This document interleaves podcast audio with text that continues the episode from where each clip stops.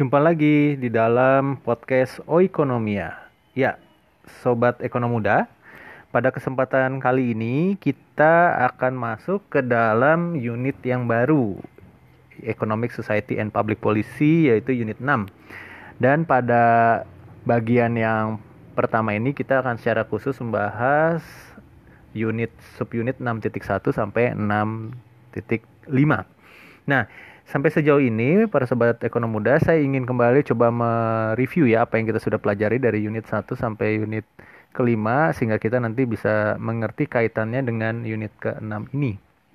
Di dalam unit 1 kita sudah belajar satu fakta pertumbuhan ekonomi yang amat dahsyat dalam 200 tahun terakhir ini yang menyebabkan kemakmuran di berbagai negara di dunia yang disebabkan oleh dua faktor penting yaitu pertama revolusi industri ya dengan adanya perkembangan teknologi yang maju sampai sekarang sudah masuk ke dalam uh, industri 4.0 ya. Lalu yang kedua adalah revolusi kapitalis. Ada perubahan sistem ekonomi yang sangat penting yang dimulai dari Inggris dan menyebar ke negara barat dan juga sekarang negara Asia termasuk Indonesia juga gitu ya.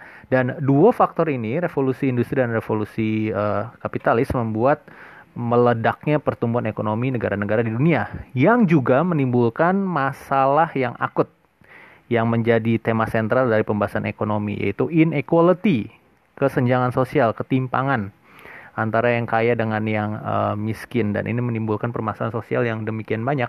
Dan yang kedua masalah ekologi atau masalah lingkungan, perubahan iklim, pemanasan global, sampah, polusi dan lain sebagainya ya. Jadi ada satu sisi kemajuan pertumbuhan ekonomi membawa kesejahteraan, satu sisi juga membawa masalah yang demikian besar yaitu inequality dan masalah lingkungan. Di dalam unit yang kedua kita belajar kalau begitu ekonomi itu apa? Ya, ekonomi itu sebenarnya sederhananya adalah masalah relasi. Bagaimana manusia berelasi dengan sesamanya orang lain dan juga lingkungan ya, lingkungan ya, lingkungan fisik karena dari situ manusia menggali resource-nya, energi yang dibutuhkan untuk membuat barang dan jasa. Dan bagaimana interaksi ini, relasi ini terus berubah sepanjang waktu dalam rangka manusia memenuhi kebutuhannya. Ya, jadi ekonomi ini adalah satu ilmu yang mempelajari sebenarnya relasi manusia dengan sesama dan lingkungannya di dalam uh, mengelola resources ya yang ada untuk memenuhi kebutuhan manusia dan bagaimana dinamika perubahan ini berubah dari waktu ke waktu.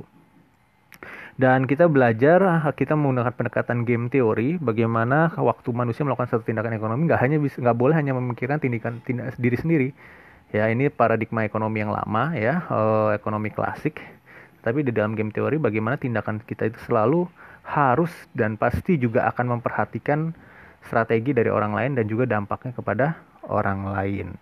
Nah, di dalam unit ketiga, secara khusus kita belajar tentang pentingnya kebijakan publik. Ya, kebijakan publik. Jadi di dalam masyarakat itu ada tiga aktor yang penting, yaitu masyarakat, lalu juga perusahaan, dan juga uh, pemerintah ya. Dan pemerintah itu juga memiliki semacam tanggung jawab ya untuk mensejahterakan masyarakatnya dan justru penting sekali melalui kebijakan publik yang dibuatnya dan tujuan kebijakan publik ini harus berkeadilan yang pertama tapi juga tidak meninggalkan efisiensi ya kita belajar tentang Pareto efisien di sini nah eh, lalu kita belajar juga di unit keempat ya. Unit keempat ini lebih kepada pendalaman tentang Pareto efisien ya. Bagaimana individu itu bisa memaksimalkan output ya hasil yang diperolehnya dari resources yang dia miliki. Masih ingat ya di dalam unit yang keempat kalian belajar tentang misal penggunaan waktu ya.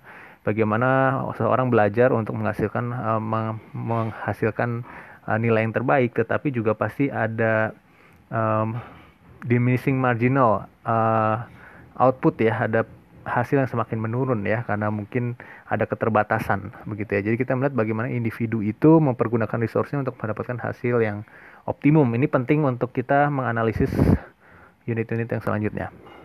Lalu baru saja kita sudah selesai unit kelima, kita belajar ekonomi sebagai satu institusi yang harus aturan mainnya itu baik ber, berdasarkan hukum, menghargai kepemilikan pribadi dan juga memberikan ruang demokrasi supaya hasilnya itu berkeadilan ya. bisa mengatasi kesenjangan yang ada. Nah, ini adalah konsep-konsep dasar yang penting para sobat ekonom muda untuk kita mulai masuk menganalisis dinamika relasi di dalam ekonomi yang kita mulai akan bahas di unit ke-6 ini. Ya, di dalam unit 6 ini kita akan masuk ke dalam tema perusahaan. Ya, perusahaan sebagai satu model hubungan di dalamnya itu ada aktor-aktor lagi ya, ada tiga aktor penting yaitu pemilik, manajer dan karyawan dan bagaimana ada dinamika di dalamnya.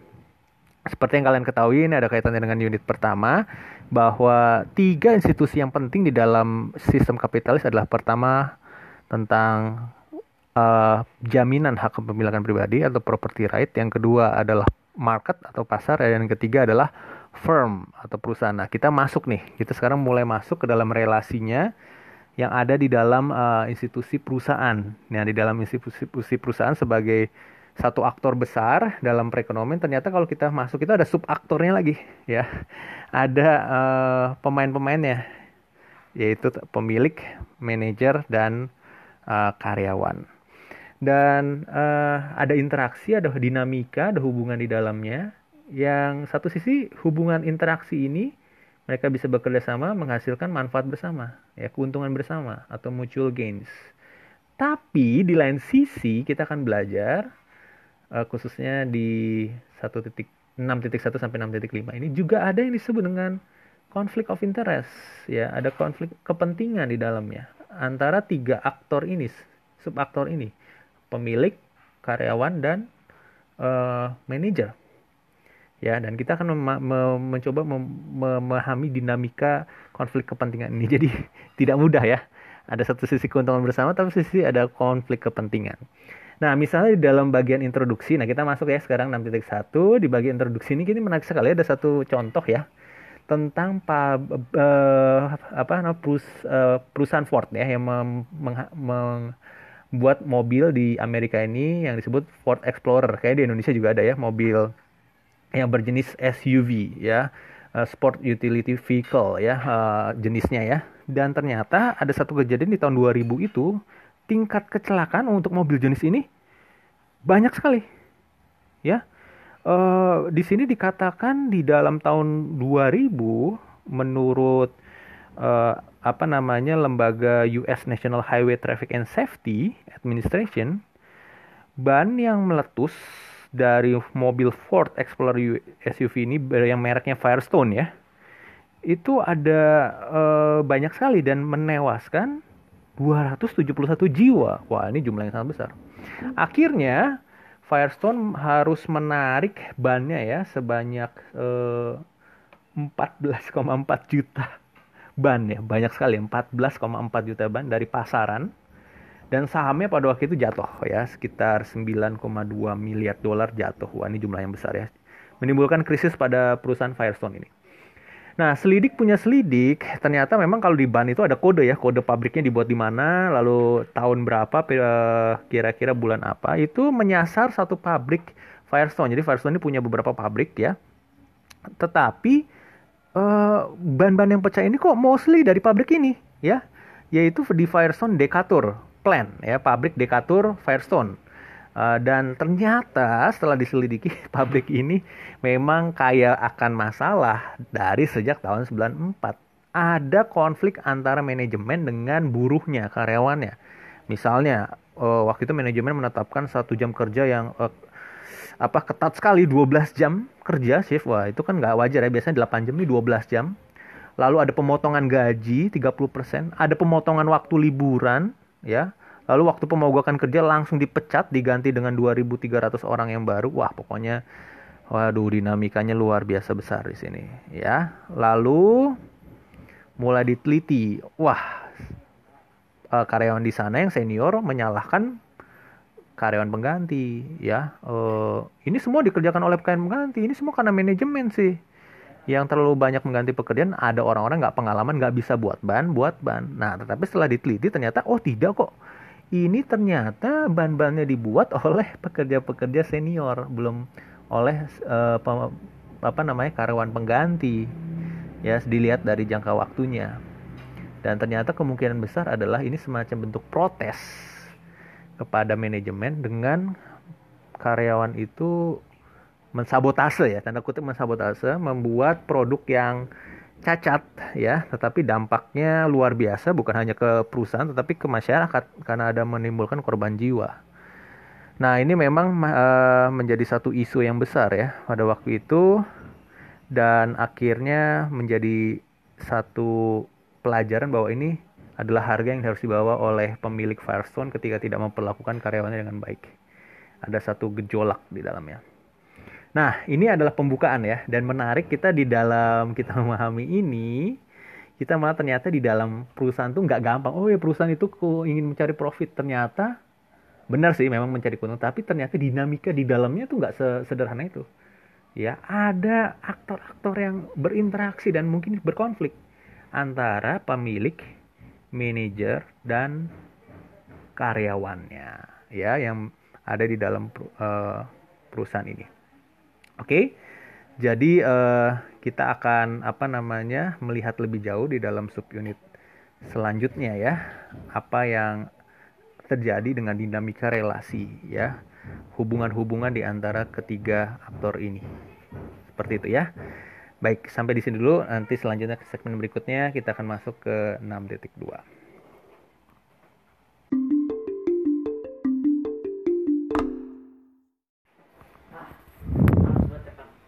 Ya, kita lanjut kembali di dalam segmen yang kedua ini kita akan membahas 6.2 Firm Markets and the Division of Labor. Jadi uh, perusahaan, pasar dan pembagian kerja. Nah, para ekonom muda kita melihat bahwa di dalam sistem kapitalis ada satu perbedaan yang signifikan di dalam masalah alokasi sumber daya ya di dalam khususnya memproduksi barang dan jasa dalam rangka memenuhi kebutuhan manusia.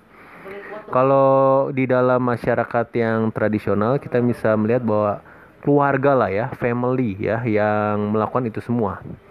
Itu sebabnya di zaman dahulu ya pekerjaan itu diturunkan ya dari kakek, ayah ke anak mereka, ke cucu mereka, ke cicit mereka. Mereka bisa memiliki satu uh, mata pencarian atau skill pekerjaan yang relatif sama.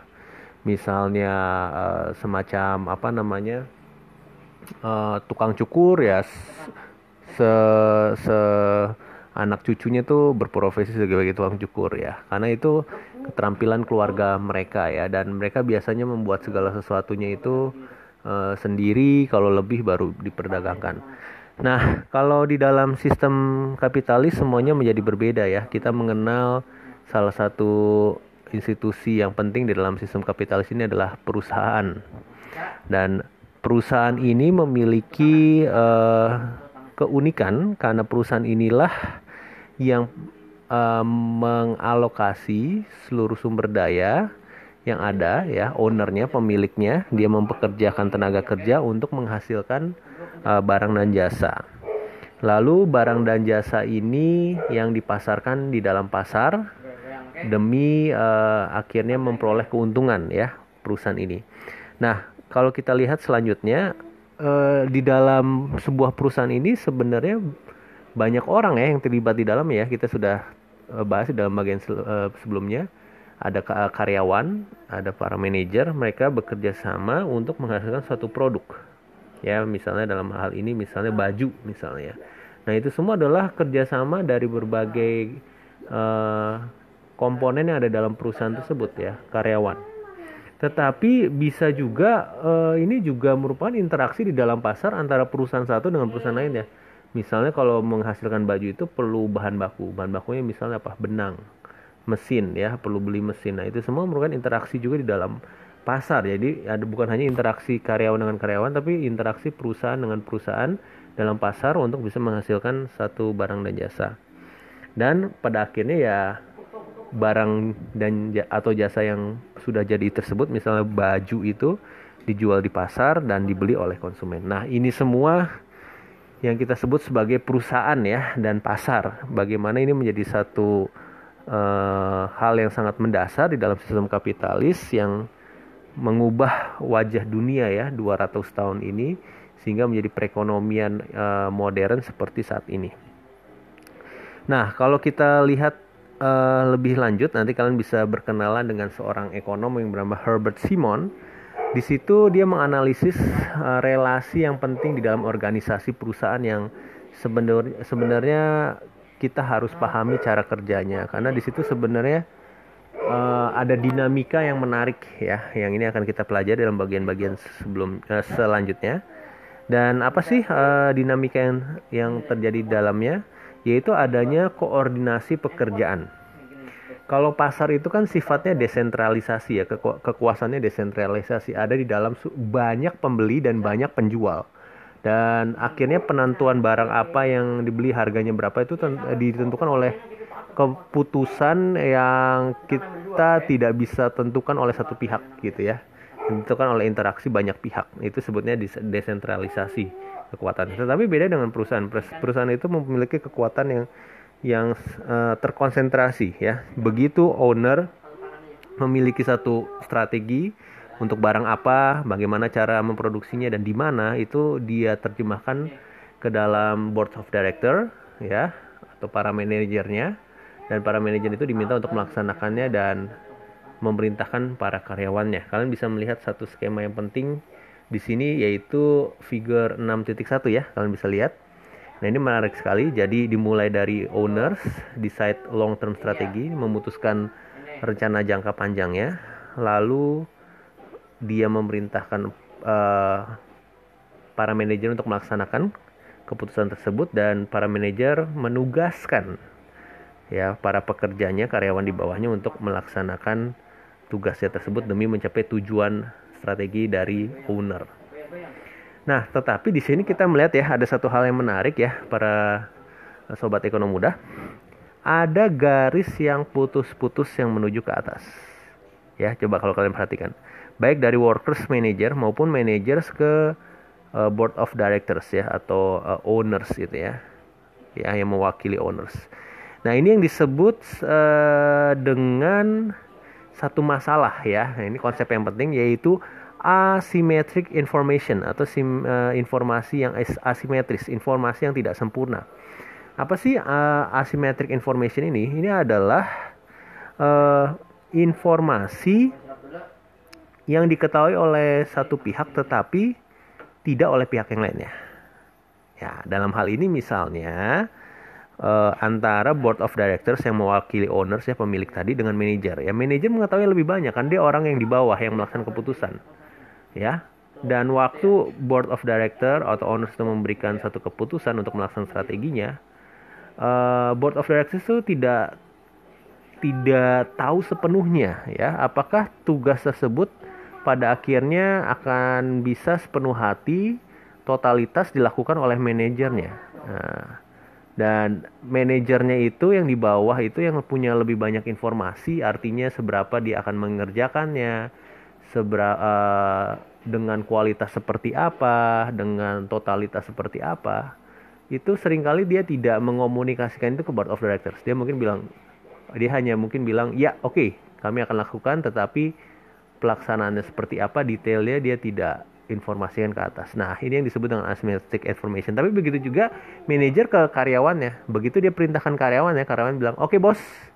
Saya akan lakukan." Ya, tetapi karyawan juga memiliki hal di luar itu yang tidak dikomunikasikan ke atasannya karena suatu hal ya. Mungkin kalau dia komunikasikan dengan jujur ya, bisa dipecat atau mungkin uh, bosnya menjadi atau manajernya menjadi tidak suka akhirnya karirnya terhambat. Jadi ada hal yang dia tidak sepenuhnya komunikasikan. Ini yang disebut sebagai asymmetric information. Nah ini terjadi. Jadi ada dinamika itu ya. Ada dinamika uh, satu sisi perintah dari atasan tapi uh, sebaliknya dari bawahan itu ada aspirasi yang kadang nggak muncul ke atasan. Ini yang menjadi uh, dinamika di dalam hubungan organisasi sebuah perusahaan. Oke, okay? beda sekali dengan misalnya relasi nanti hubungan antara uh, penjual dengan pembeli ya. Kalau pembeli kan nggak bisa memerintahkan, eh penjual kan nggak bisa memberikan memerintahkan pembeli ya harus beli roti ini seharga ini gitu. Ya lo mau beli enggak enggak gitu ya. Jadi memang hubungannya impersonal memang. Nah tapi beda kalau di organisasi itu perusahaan itu uh, ada satu relasi yang yang lebih sulit. Nah, oke okay, sampai di sini dulu nanti kita akan masuk dalam segmen selanjutnya lebih membahas tentang kuasa ya. uh, relasi kuasa di dalam perusahaan itu sendiri.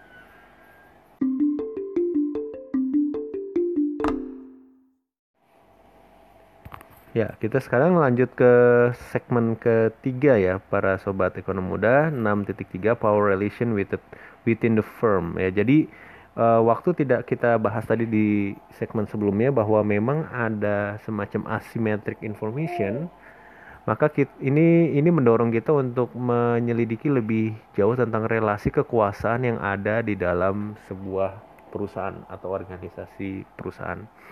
Nah, mau tidak mau kita akan uh, masuk ke dalam pemikiran dari ekonom, seorang ekonom dan seorang filsuf Karl Marx ya. Yang mungkin kalian sudah pernah dengar nama ini. Seorang ekonom yang ternama di abad 19. Dia sangat tertarik dengan tema relasi kekuasaan di dalam perusahaan, khususnya di dalam sistem kapitalis dan dia mengkritik kapitalisme dan melihat bahwa relasi yang tidak adil ini antara pemilik dengan pekerja inilah yang akan menjadi keruntuhan dari sistem kapitalis. Ya, tidak seperti relasi antara pembeli dan penjual yang sifatnya setara. Relasi antara uh, pemilik modal dengan karyawan akan menimbulkan satu tekanan ya, tension.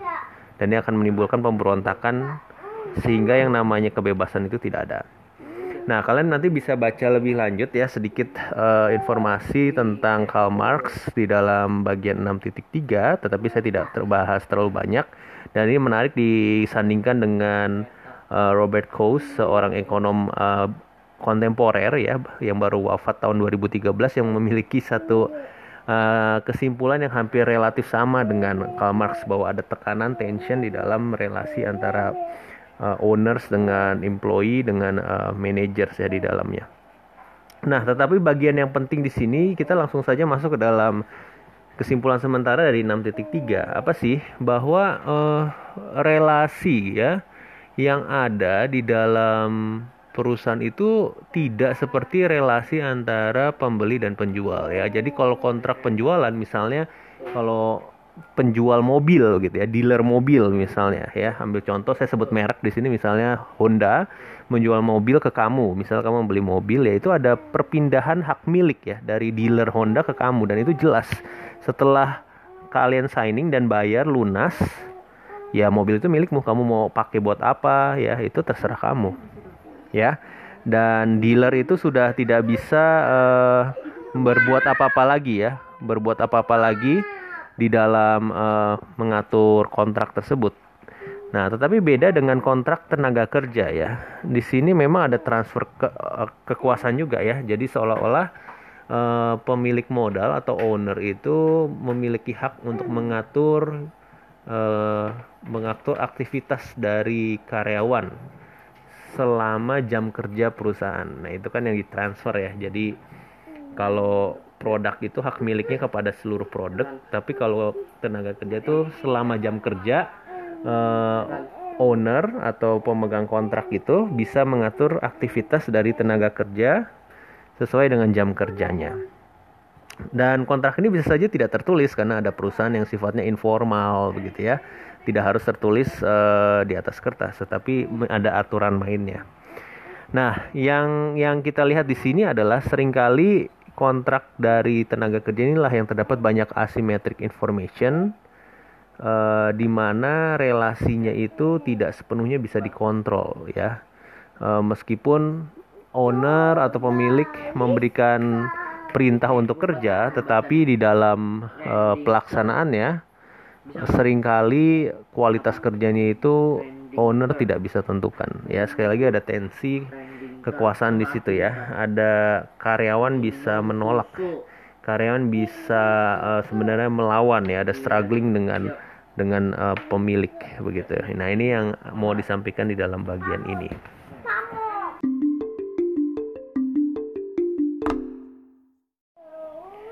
Nah, di dalam segmen yang keempat ini ya di 6.4 ini kita akan membahas relasi lebih detail tentang owners dengan managers ya. Di sebab yang berjudul Others People Money The Separation of Ownership and Control. Nah, di dalam bagian ini kita melihat bahwa uh, di dalam kepemilikan perusahaan itu ada dua aspek ya. Ada dua aspek. Nah aspek yang pertama adalah ya pemilik uh, memiliki kuasa untuk mengarahkan aktivitas orang-orang yang ada di dalam perusahaan ya dan uh, ini biasanya melalui mempekerjakan manajer. Jadi manajer itulah yang dipilih oleh owners untuk bekerja buat mereka gitu ya, yang mengarahkan para pegawai. Manajer ini kan punya kecakapan manajerial ya, mengatur, mengelola. Nah, baru uh, kepentingan dari owners ini adalah untuk memperoleh keuntungan ya. Karena keuntungan ini yang diperoleh dari pendapatan dikurangin semua biaya operasional perusahaan inilah yang akan masuk ke dalam kantong dari pemilik ya. Dan ini namanya keuntungan atau profit. Oke? Dan ini semua merupakan uh, kepentingan dari pemilik perusahaan ya. Dengan dia memperoleh profit profit dia akan meningkatkan kekayaannya ya jadi um, keuntungan dari perusahaan itu akan meningkatkan kekayaan atau aset perusahaannya dan akan memperkaya dari uh, kekayaan pemilik itu sendiri. Nah, tetapi persoalannya tidak sesederhana itu ya. Ketika pemilik ini mendelegasikan kontrolnya ke manajer ya. Jadi mereka tujuannya ingin kepemilikan dan profit ya. Tetapi untuk kontrolnya itu kan mereka sering kali tidak terlibat langsung dari day to day operasional. Mereka serahkan kepada manajer Nah, manajer ini sering kali punya kepentingan yang berbeda, sobat ekonomi muda. E, mereka memiliki kepentingan ya tentu saja benefit ya. Mereka ingin gaji yang lebih besar, mereka ingin uh, apa namanya fasilitas yang lebih baik, mereka ingin apa uh, apa namanya harga saham ya kalau mereka juga ternyata memiliki saham dari perusahaan tersebut. Dan ini sering kali berlawanan dengan kepentingan dari uh, pemilik ya, owners. Kenapa? Karena sesungguhnya uh, gaji atau fasilitas yang lebih besar itu sebenarnya kan uh, diambil dari profit itu ya.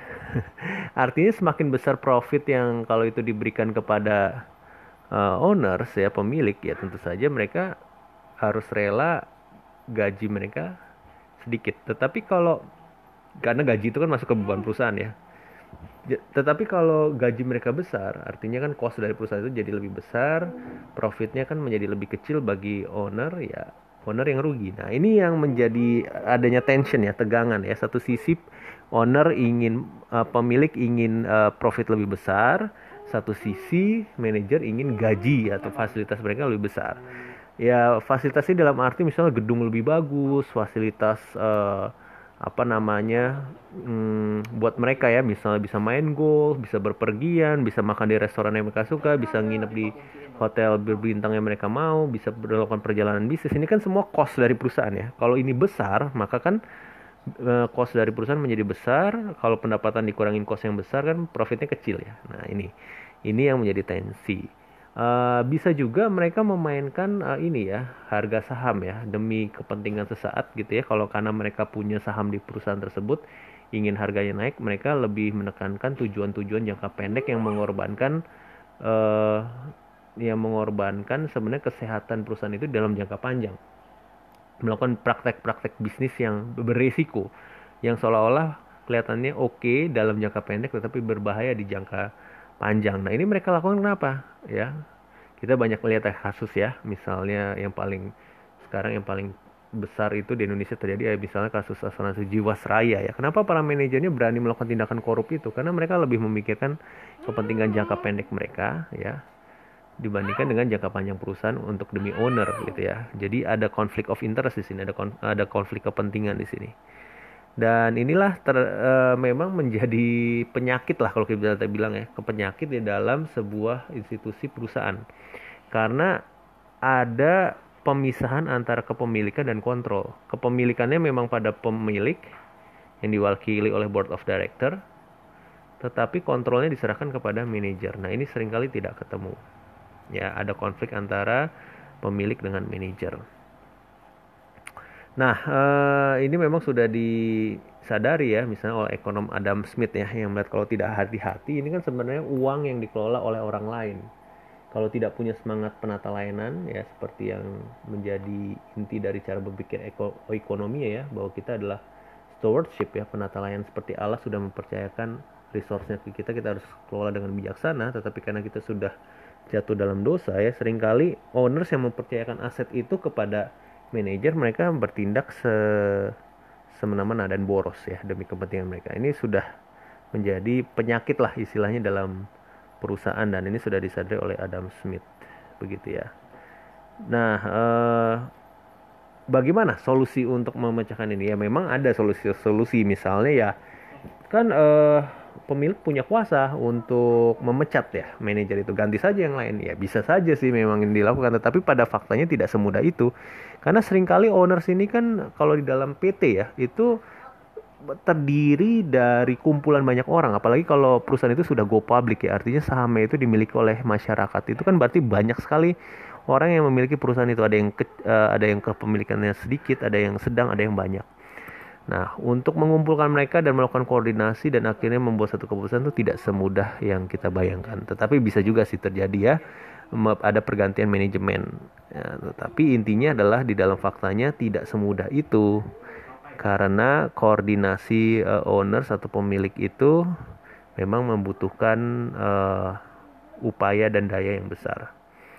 Nah, tapi untuk simplifikasi memang sepertinya perusahaan itu tujuannya adalah untuk mencari profit dan biasanya kalau memang dalam kompetisi perusahaan yang tidak menghasilkan profit itu akan tersingkirkan. Tetapi kalau kita lihat lebih detail, lebih jauh, lebih masuk lebih dalam, ternyata tidak sesederhana itu ya. Tidak semua bagian di dalam perusahaan itu ingin mencari profit.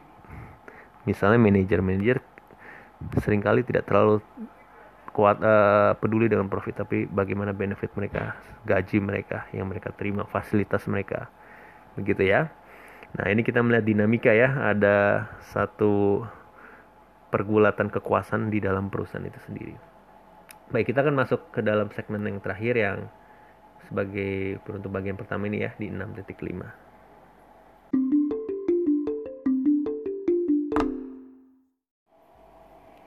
Nah, pada bagian terakhir ini kita akan bahas tentang other people labor, the employment relationship. Nah, ini akan lebih fokus hubungan antara uh, manajer ya atau owner dengan karyawannya. Nah, ini mengingatkan kembali bahwa perusahaan itu apa? Perusahaan itu adalah satu organisasi yang mengalokasi sumber daya termasuk mempekerjakan karyawan atau tenaga kerja untuk menghasilkan barang atau jasa yang dijual ke dalam pasar ya untuk memperoleh atau mendapatkan keuntungan. Nah, kalau kita lihat eh, tadi kita sudah bahas ya gaji yang diterima oleh manajer itu menjadi komponen biaya perusahaan yang akhir, akhir akhirnya nanti menjadi komponen untuk menghitung keuntungan atau profit yang diterima oleh owner ya. Jadi sederhananya kan kalau profit adalah pendapatan dikurangi dengan biaya ya. Dan gaji itu termasuk dari salah satu komponen dari biaya. Termasuk juga upah ya. Upah ini artinya pendapatan yang diterima oleh tenaga kerja atau karyawan. Kita bedakan ya kalau manajer itu gaji kalau upah itu karyawan bahasa Inggrisnya kalau uh, manager itu salary kalau uh, karyawan itu wages ya. Ini juga menjadi komponen dari biaya perusahaan. Nah dengan demikian uh, kita melihat memang ada employment relationship ya ada hubungan uh, pekerjaan ya uh, atau hubungan kerja ya antara uh, pemilik dengan karyawan ya. Nah ini dimasukkan dalam sebuah kontrak ya misalnya pemberi kerja menentukan tentang berapa besarnya upah jam kerja dan kondisi kerjanya seperti apa ya dan eh, apa namanya eh, dan pekerja itu eh, memutuskan ya apakah dia mau terima atau tidak eh, kontrak tersebut. Nah, di sini kita melihat bahwa uh, pemberi kerja itulah yang memutuskan uh, pekerja itu kerja apa ya. Lalu dia itu uh, bisa promosi atau tidak atau naik jabatan. Atau justru dia harus dipecat atau kehilangan pekerjaan. Memang uh, kekuasaannya itu terletak di pada uh, atasan ya atau bos yang menentukan itu semua. Nah di sini ada hubungan kerja jadinya ya. Jadi ada syarat-syarat yang ditentukan oleh pemberi kerja dan pekerja diharapkan bisa bekerja sebaik mungkin. Seperti itu. Nah, dengan demikian kita melihat bahwa uh, ada keuntungan bersama ya. Keuntungan bersamanya adalah pemberi kerja dan pekerja bisa bekerja sama-sama demi kemajuan perusahaan dalam rangka menghasilkan keuntungan dan ya benefitnya adalah mereka akan menerima upah upah ya. Tetapi juga ada konflik ya. Ada konflik kan di satu sisi eh, pekerja ingin mempekerjakan mereka eh, dan kalau bisa loyal gitu ya karena itu akan membuat mereka mengeluarkan biaya lebih besar kalau pekerja itu tidak loyal.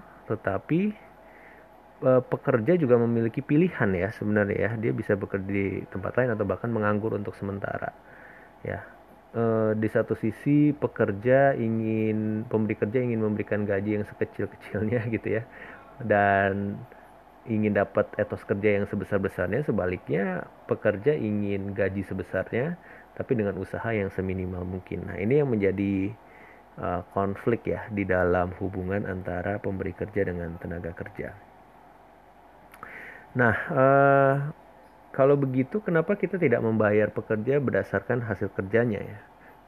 Misalnya satu baju yang dihasilkan ya kalau setiap tambahan satu baju di uh, ya itulah upah dia. Misalnya satu baju dinilai sepuluh ribu begitu ya. Kalau dia bisa menghasilkan 100 baju ya tinggal 100 dikali sepuluh ribu. Ternyata di dalam kemajuan ekonomi saat ini yang sudah lebih kepada arah kepada arah uh, berdasarkan jasa ya sektor jasa dan uh, juga kepada uh, sektor apa namanya yang lebih menekankan knowledge ya itu tidak mudah dihitung. Dan kebanyakan kan pekerja itu bekerja se bersama-sama ya. Jadi sulit mengukur uh, berdasarkan uh, unit barang yang dihasilkan. Apalagi sekarang kita sudah menjadi era ekonomi digital ya di mana ada sharing ada kolaborasi. Wah lebih susah lagi tuh mencari uh, berapa sih nilai pekerja satu orang.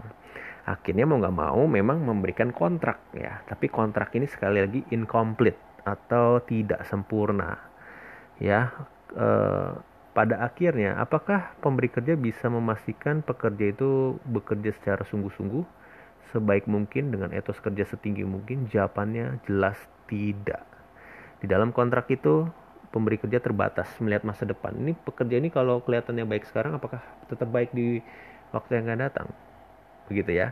Uh, lalu kalaupun perusahaan mau kontrol usaha dari pekerjaan ini costly sekali. Apakah masa setiap area dikasih CCTV? ya, CCTV dipantau. Kalaupun ada itu motivasi pekerja gimana? Malah turun gitu ya. Dan kadang juga uh, kontrak itu tidak bisa terlalu dipaksakan ya, tidak juga ngaruh di dalam pengadilan ya. Ini menjadi kesulitan ya yang disebut dengan incomplete contract ya. Jadi satu sisi dari pemberi kerjanya ingin pekerja itu bekerja dengan semaksimal mungkin sungguh-sungguh akan uh, demi uh, kualitas kerja yang optimal gitu ya demi kemajuan perusahaan. Tapi di satu sisi uh, pekerja itu justru mungkin mindsetnya sering kali uh, sebaliknya. Nah ini menjadi tantangan ya. Ada ada konflik of interest yang tiada habisnya. Nah, demikian uh, para sobat ekonomi muda kita sudah mempelajari dari unit 6.1 sampai 6.5 di mana bagian ini lebih pertama-tama bagian pertama ini lebih mengulas ya, dinamika hubungan antara pemilik, manajer dan karyawan. Dan ternyata tidak sesederhana yang kita lihat ya. Bukan hanya untuk ada manfaat bersama tetapi ada tension, ada perbedaan konflik kepentingan di dalamnya. Ya, ini yang perlu kita kritisi sama-sama dan setelah kalian membaca ini, kita akan masuk ke dalam studi kasus. Berharap ini semakin memperkaya kalian menerapkan konsep-konsep yang kita sudah pelajari. Oke, terima kasih. Sampai jumpa lagi di podcast Oikonomia episode selanjutnya. Sampai jumpa.